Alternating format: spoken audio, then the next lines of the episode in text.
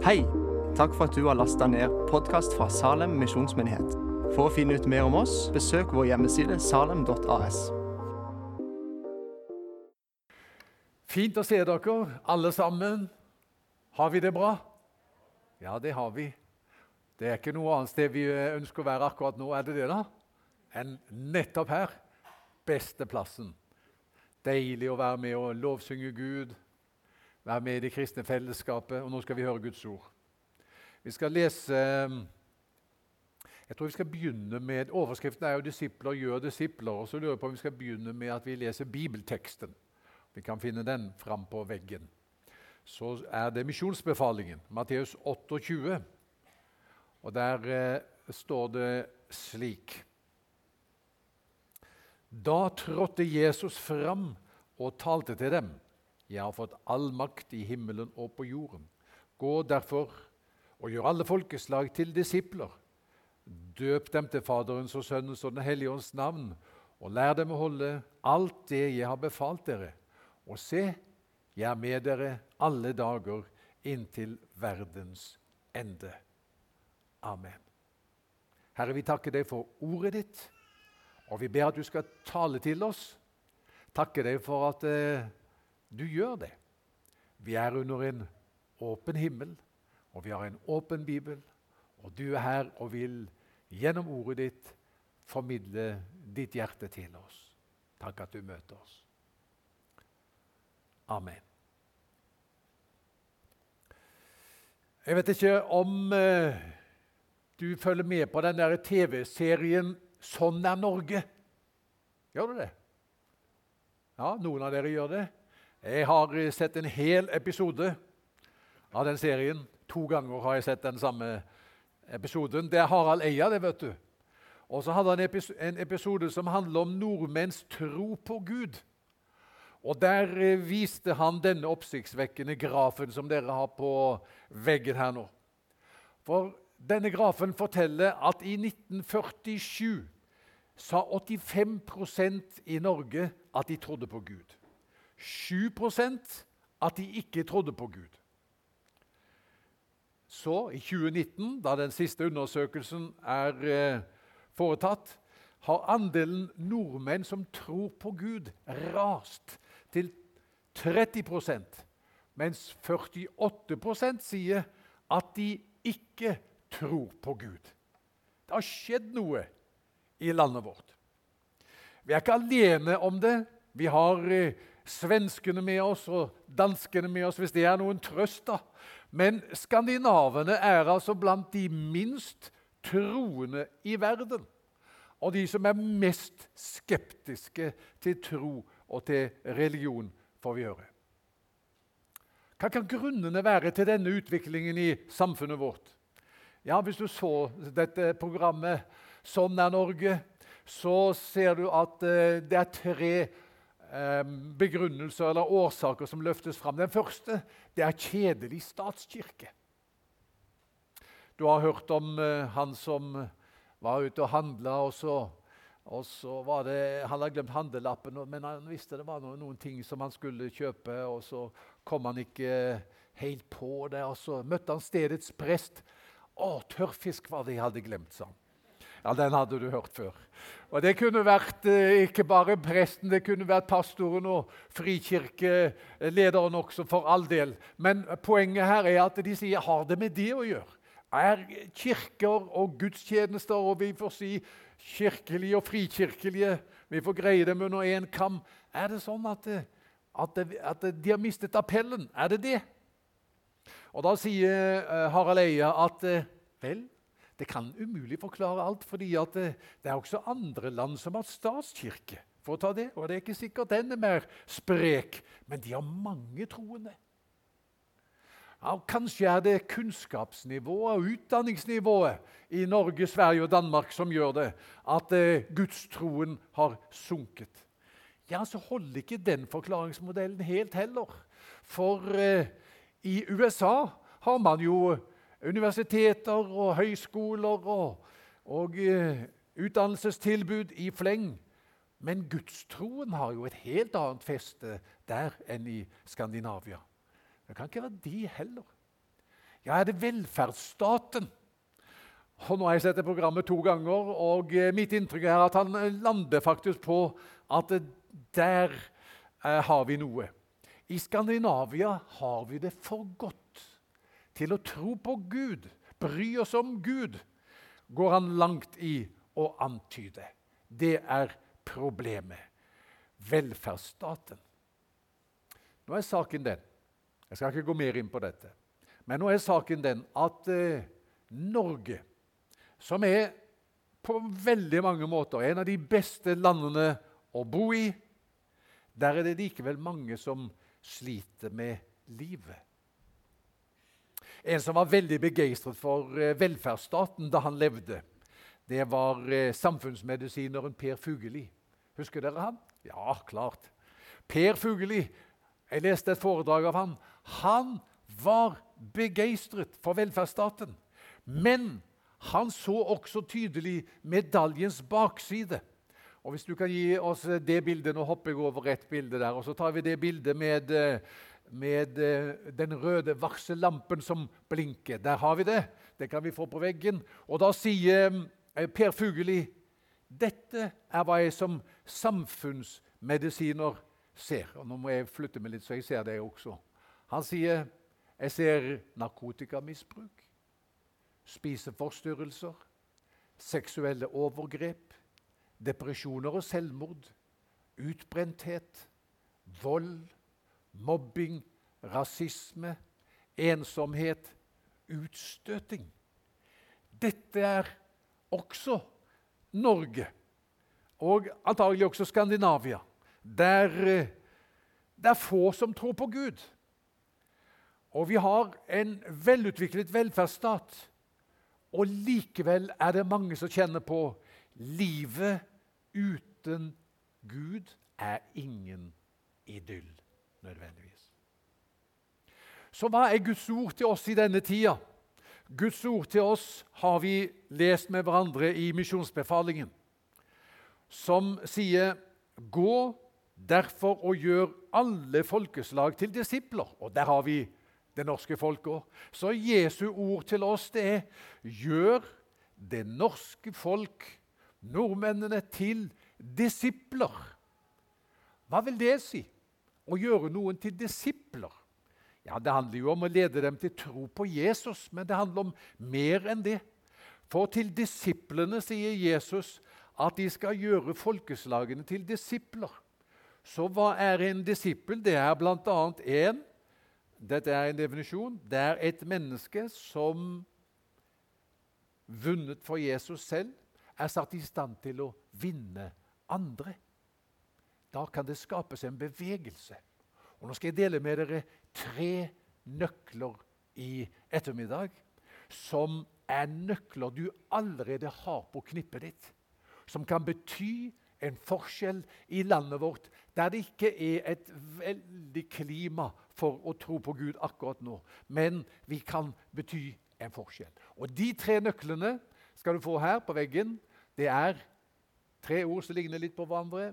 Investere, invitere, involvere. Først investere. Bonden han vet jo det, at eh, jeg kan ikke forvente en innhøstning på åkeren i september om jeg ikke investerer i den åkeren i mars. Jeg må pløye, gjødsle, så og vanne. En evangelist sa til meg en gang du vet jeg det er nytteløst å kjøre en innhøstningsmaskin over en grusbane. Godt sagt. Det gjelder også på det åndelige området. Og Det kan føles litt overveldende. Hva, hva syns du? Jeg kan også kjenne på det. Det kan føles litt overveldende når vi får høre nå står det dårlig til med gudstroen i Norge. Det er bare 30% av nordmennene som tror på Gud. Og så kan vi lammes av motløshet. Motløsheten har tre trosartikler. Kjenner du dem? Nå skal du få dem. Første trosartikkel verden er så stor.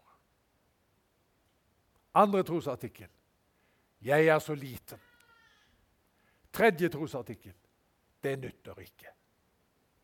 Det er motløsheten. Men troen på Gud sier noe annet. Og Jeg har lyst til at du skal få med deg følgende. Legg merke til hvordan Jesus gikk fram når han hadde sin tjeneste, tre og et halvt år. Han fremmet Guds rike ved å berøre ett menneske om gangen. Han helbredet Bartimeus.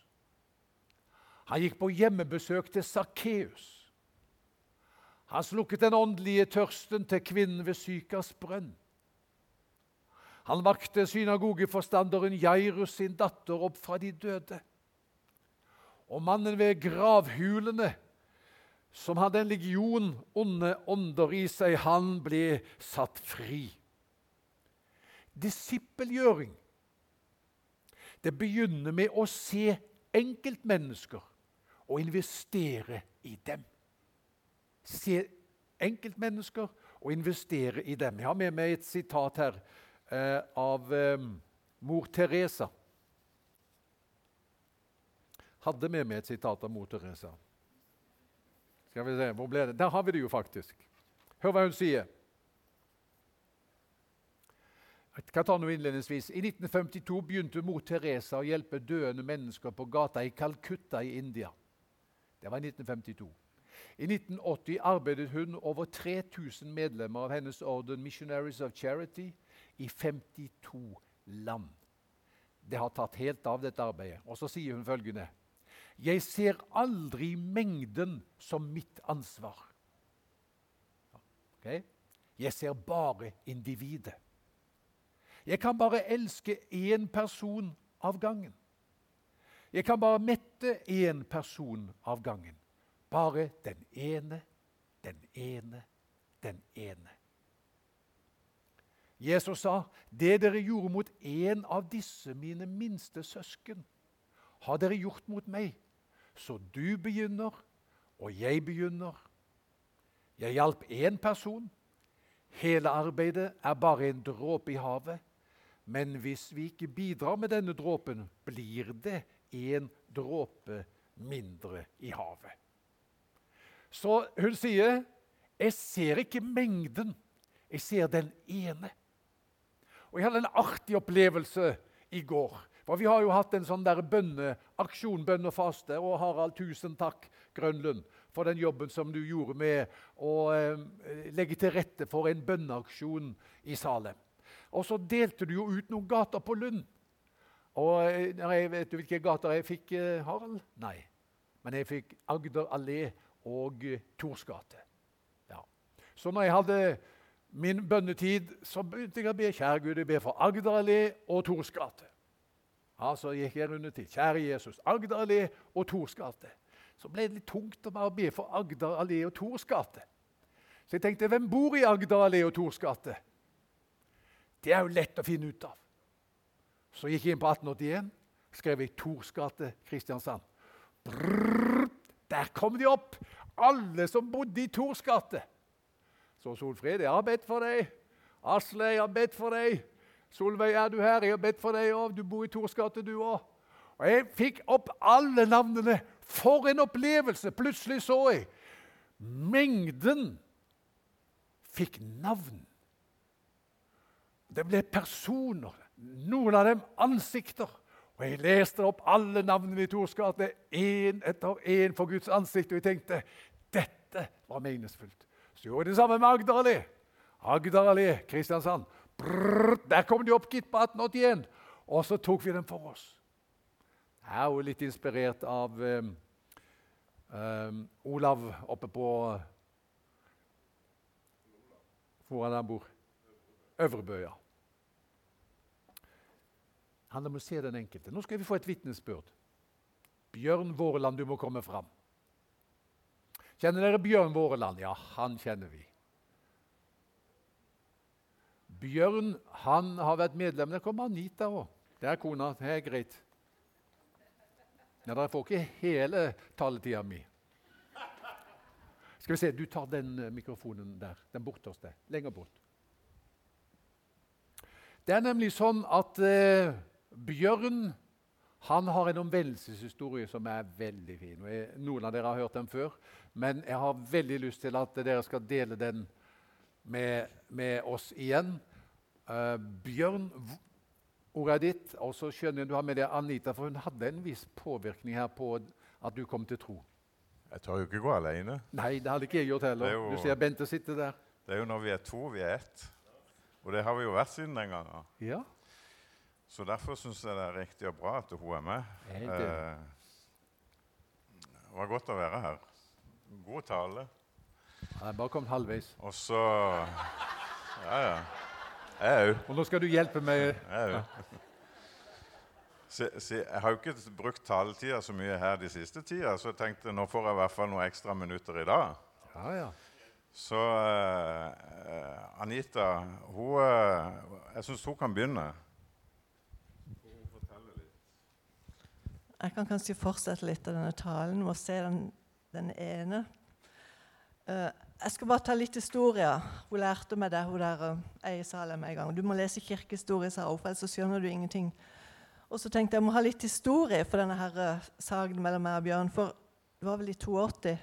Så satt jeg hjemme på hybelen oppi uh, Jeg bodde ja, oppe på Grim, tror jeg. akkurat da. Og så sa jeg til Gud hva i all verden skal jeg bruke dette livet til? For jeg hadde slutta i en jobb og skulle ha en ny jobb og trengte litt uh, hjelp. Jeg skulle inn på fengselsskolen, trodde jeg. eller det var planen. Og så trengte jeg bare to måneder ekstra med en heldøgns institusjon. tenkte jeg, hvordan skal jeg få det? Så hørte jeg i det andre rommet alkohol. Jeg hørte det så tydelig. Så da hørte jeg det enda en gang til. Så jeg, du sier jeg har aldri vært alkoholiker. Det er ingen alkoholisme i min familie. Jeg kan ikke jobbe med alkohol. Jeg kan ingenting om dette. her. Og så tenkte jeg hvis det var Gud, så må jeg bare prøve det ut. Og så gikk jeg ned til Blokkås og så sa jeg trenger noe hjelp. Jeg skal jobbe med alkohol, tror jeg. Og så trenger jeg et sted som de har noe med alkohol å gjøre. Så sa han jeg har ikke noe her, men jeg kan jeg kan hive deg opp på avrustninga. Der har jeg en venn. Kanskje han kan hjelpe deg. Gi deg to måneder praksis.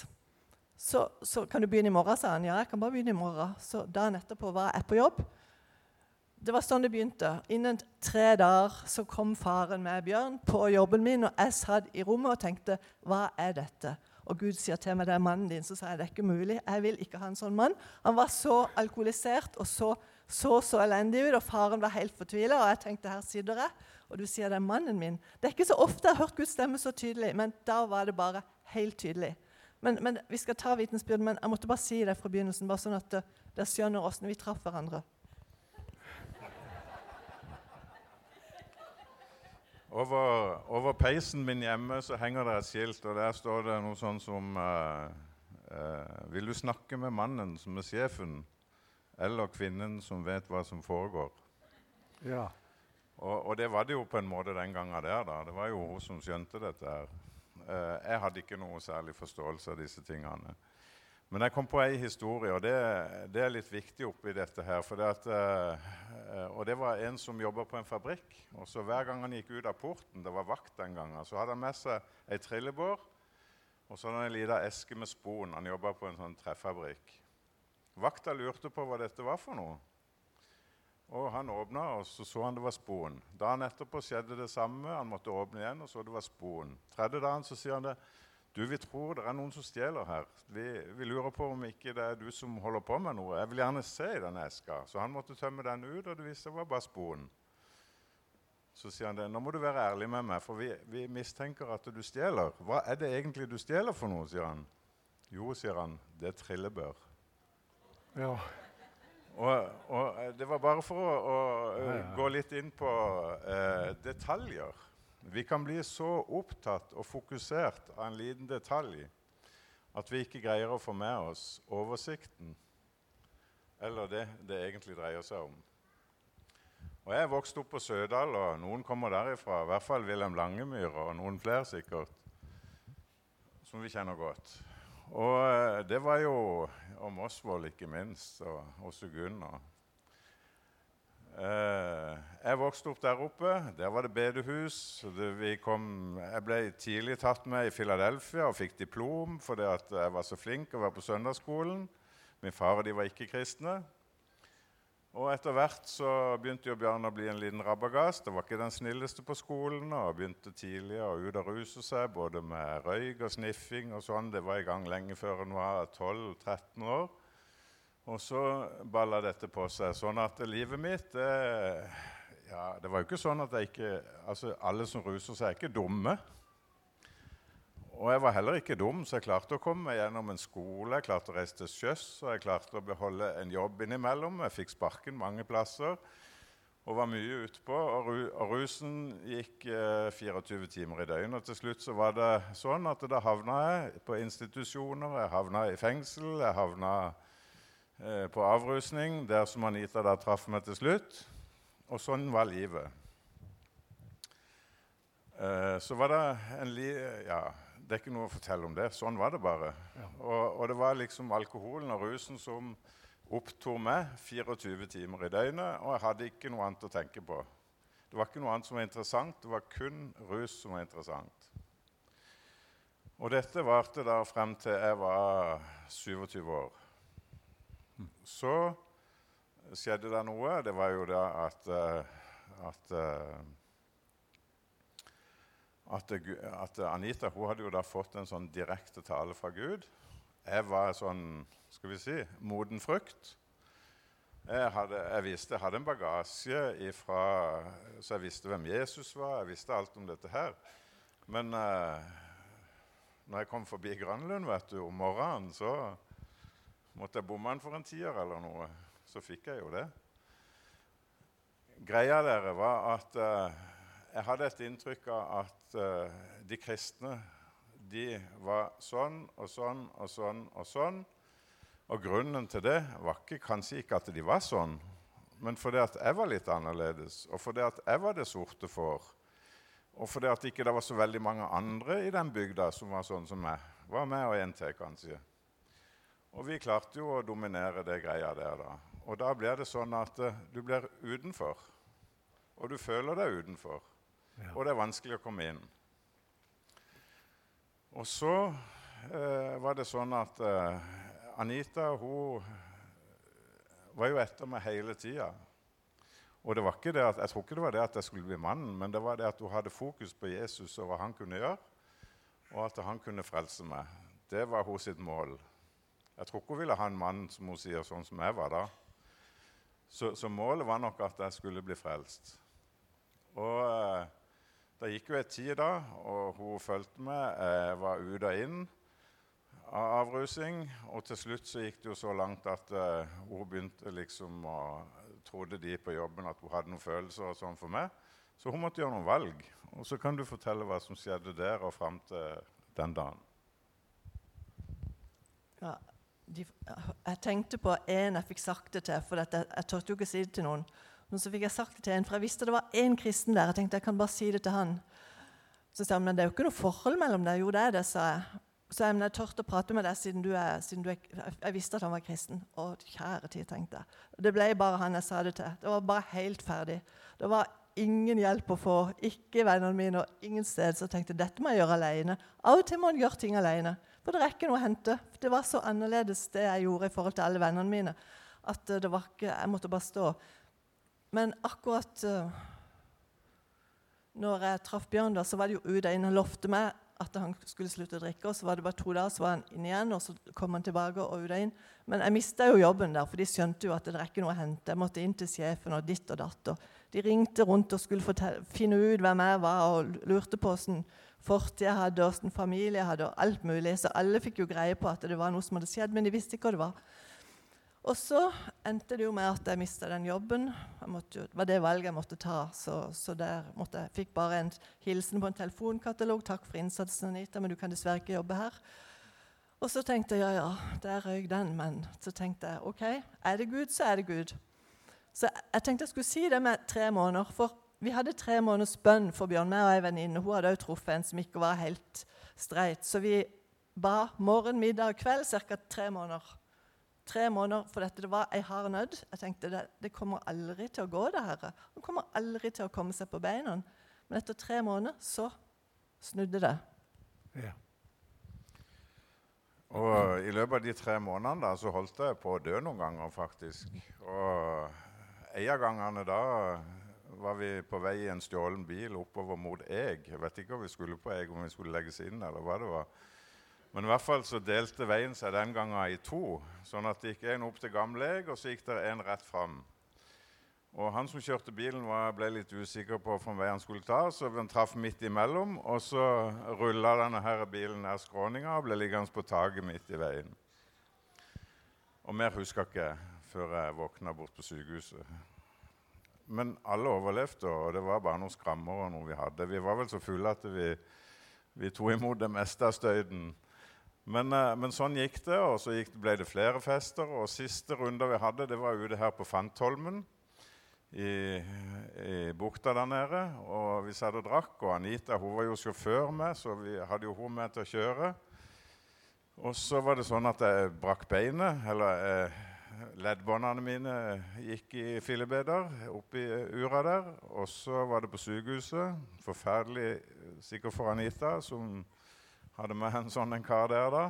Men dagen etterpå så, dette, så hadde hun, funnet ut, hadde hun funnet noen venner og noe, og fant ut vi skulle dra ut på hytta til Toril og Kjell Tønnesen ute på, ute på Langenes.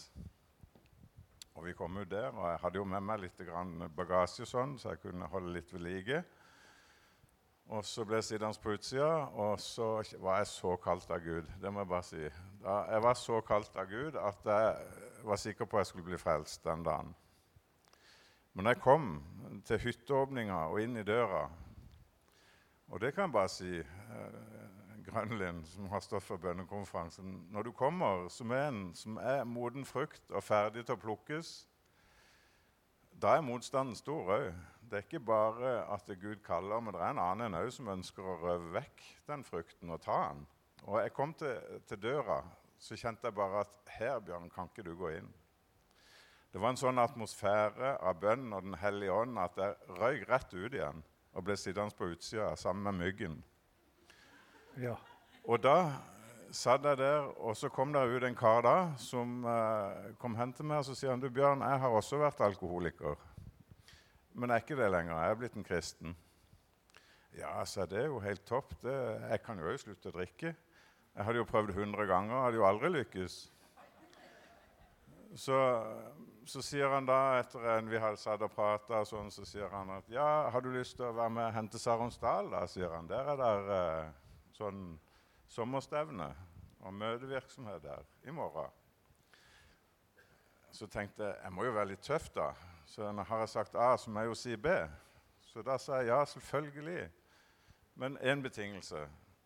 Jeg må ha med meg ei kasse øl. Så jeg kan ikke gå hen der. Min mor kommer fra Kvinesdal. Jeg hadde vært i Saronsdal som liten og visste akkurat hva det var for noe. Så sier jeg jeg må ha ei kasse øl med meg. Ja, ja, ingen problem, sier han. Kom opp dagen etterpå, han og Anita. Da hadde jo de samarbeida, vet du, så de hadde jo tegninger. Og så kom han opp der, og så Det første han gjorde når jeg kom ut med den kassa med øl, det var han kom med en kjølebag full av is. Og så kom han med en hel kylling, og så sier han 'Bjørn, du så så skrøpelig ut. Du har antagelig ikke spist de siste dagene. Det er helt sikkert.' Og jeg har også drukket, sa han. Og midt på sommeren å drikke varmt øl det er det verste som fins, sa han. Så jeg tok med en kjølebag, så du skulle få deg ei kald ei. Ja. Og, og, Den hellige ånd har mange måter å jobbe på. Og det var en av måtene han måtte få meg ut av mitt, min greie. Det var det at han måtte vise meg at, uh, at uh, Bjørn, det er ikke sånn som du har. Du har en del sånne uh, tankebygninger og forestillinger oppi mm. sinnet ditt som gjør at ikke du klarer å ta imot. Og En av det var jo det synet jeg hadde på de kristne. Så tenkte jeg kan kristne virkelig tenke annerledes? Mm. Altså, Går det an å tenke på den måten og komme med det? liksom... Mm. For meg var det jo synd hver gang jeg åpna ei flaske øl. så var jo det synd jeg putta i meg, og jeg var jo mata med dette. Og så kommer han og viser meg ei helt motsatt greie. Og det var nok til at de der forsvant. Og Vi kjørte til Saronsdal, og jeg kom inn første møte på morgenmøtet da, og hadde bestemt meg at nå vil jeg bli kristen. Og sterke møter. Og Jeg satt i stolen, og så kjente jeg jeg hadde lyst til å opp. Men det var ikke ti ville hester som hadde fått meg opp. Og da vil jeg inn på at det er åndsmakter. Det er ikke bare fra ett liv til et annet, men det fins åndsmakter. Ja. Og de var etter meg. Du hadde ikke klart å dra meg opp av den stolen. Jeg satt fast.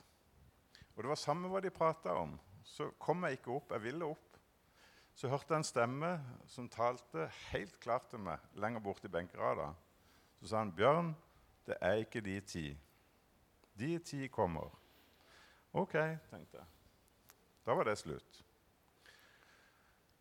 Og så var det kveldsmøte, og vi begynte på nytt. Det var nytt møte, det var greier. Jeg hadde bestemt meg, satt like fast. Møtet gikk, prata og prata. Alle forsvant fra scenen. Det var to stykker igjen. Det var Arild Edvardsen og så en amerikansk eh, predikant.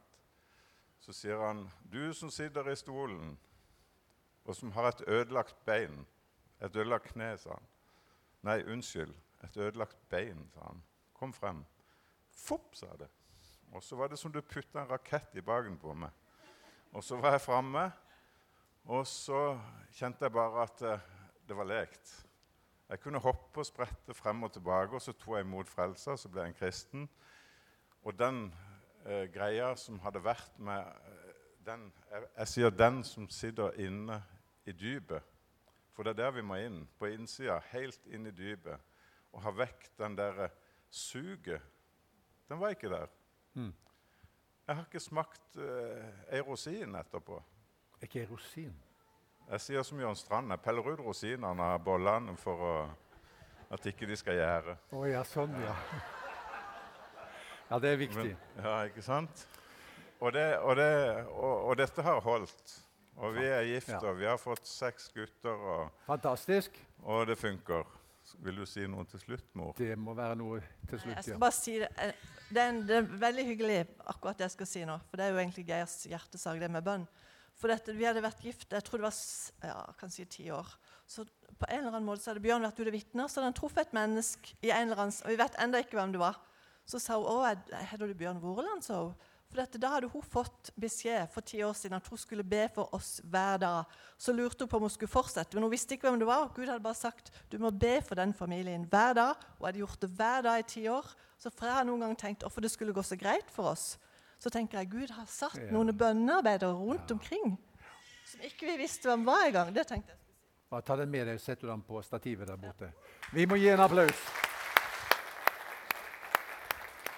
Ja, det er altså sånn et fint vitnesbyrd og en veldig, veldig tydelig illustrasjon på eh, det som vi har eh, snakket om så langt. Investere i den enkelte. Og eh, vi har fått så mye med oss nå at eh, nå skal jeg korte inn det som eh, jeg hadde tenkt å si videre. Du skal få resymé. Punkt nummer to. Det første var investere. Punkt nummer to invitere.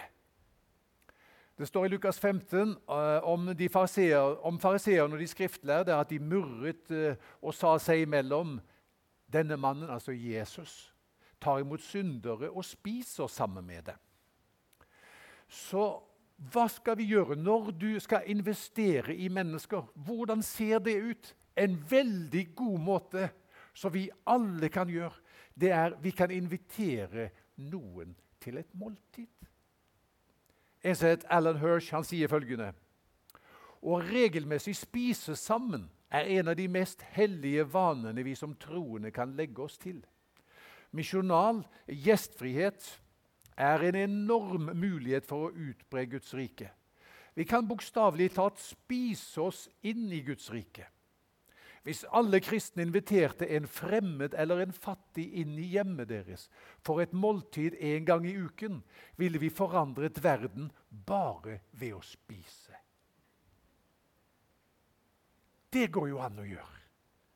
Hvis evangelisering eller disippelgjøring koker ned til noe så enkelt som det Å se et enkeltmenneske og investere i det ved å invitere det til et måltid, da kan vi gjøre det alle sammen.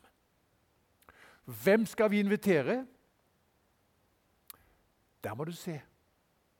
Der må du snakke med Jesus. Hvem er det i ditt nettverk, hvem er det i dine omgivelser som tydelig Gud arbeider med? Og så skal du ikke skue hunden på hårene. Det så vi her i stad. Ikke skue hunden på hårene. Hvem trodde at bjørn var moden frukt? Han var det. Takk for det fine vitnesbyrdet. Invitere. Og det tredje og siste, da, det er å involvere. Fordi disippelgjøring handler jo om ikke bare å lede noen til tro, for gjennom å investere i dem og invitere dem til eh, måltidsfellesskap og eh, annen type samvær, så er jo sjansen stor for at eh, disse som du har fellesskap med, da, eh, kan eh, lære Jesus å kjenne. Og det tredje er da at når de har lært Jesus å kjenne, så handler det om å involvere dem i misjonsoppdraget. Jeg tenker på Markus 5, 19, der denne mannen ved gravhulene vet du, som Jesus satte fri. Jesus sier til ham, for Han hadde lyst til å følge med Jesus, og så sier Jesus, 'Gå hjem til dine og fortell dem alt det Herren har gjort for deg, og hvordan han har forbarmet seg over deg.' Og Han gikk av sted og begynte å gjøre kjent i Dekapolis alt det Jesus hadde gjort for ham, og alle undret seg. Er ikke det fint? Involvert i misjonsoppdraget mest med en gang i det han kunne fortelle videre hva Jesus har gjort for ham. I disse koronatider så er det et tall som, eh, et uttrykk som vi kjenner. Vi kan få det på veggen, og det er reproduksjonstallet. Hva er det? Reproduksjonstallet. Jo, reproduksjonstallet det forteller hvor mange en som er smittet, i gjennomsnitt smitter en annen. Hvis reproduksjonstallet er to, så betyr det at hver smittet smitter i gjennomsnitt to andre. Hvis reproduksjonstallet er tre, da tar det veldig fort helt av. Men også med reproduksjonstallet to så er det sånn at det, vi får en, en epidemi, eller kanskje endog en pandemi, for smitten sprer seg. Og så har jeg tenkt på noen ganger, og kanskje skal du hjelpe meg å tenke på det, for jeg vet ikke. Hva er reproduksjonstallet blant kristenfolket i Norge. Forstår du hva jeg mener med det? da? Hvor mange andre får vi med oss? Hvor mange smitter jeg i løpet av min levetid? Det kan vi gjøre noe med ved å bruke disse tre nøklene som jeg har delt med dere i dag. Første investere i enkeltmennesker. Be til Gud. Hvem er de du skal investere i? To Inviter dem på et måltid. Lytt til deres historie. Lytt deres fortelling. Så vil du også helt sikkert få anledning før eller siden til å dele din fortelling, hva Jesus betyr for deg. Og Har du ledet noen til tro, så handler det om å involvere dem igjen i misjonsoppdraget. Så de som er vunnet, er satt i stand til å vinne andre. Skal vi be. Herre, vi takker deg for at du eh, kaller oss til å være med i en verdensvid bevegelse. Så vet vi at Skandinavia er annerledes land fordi at det i verden ellers øker tallet på troende. Og tallet på de som ikke tror, går ned. Så vi er liksom litt utenom normalen, men vi gleder oss over den globale vekkelsen. At evangeliet går fram. Takk at det er ikke umulig heller i vårt land. Og takk at du vil bruke den enkelte av oss til å nå ut til nye mennesker ved å investere og invitere og involvere. Vi legger oss selv i dine hender. Amen.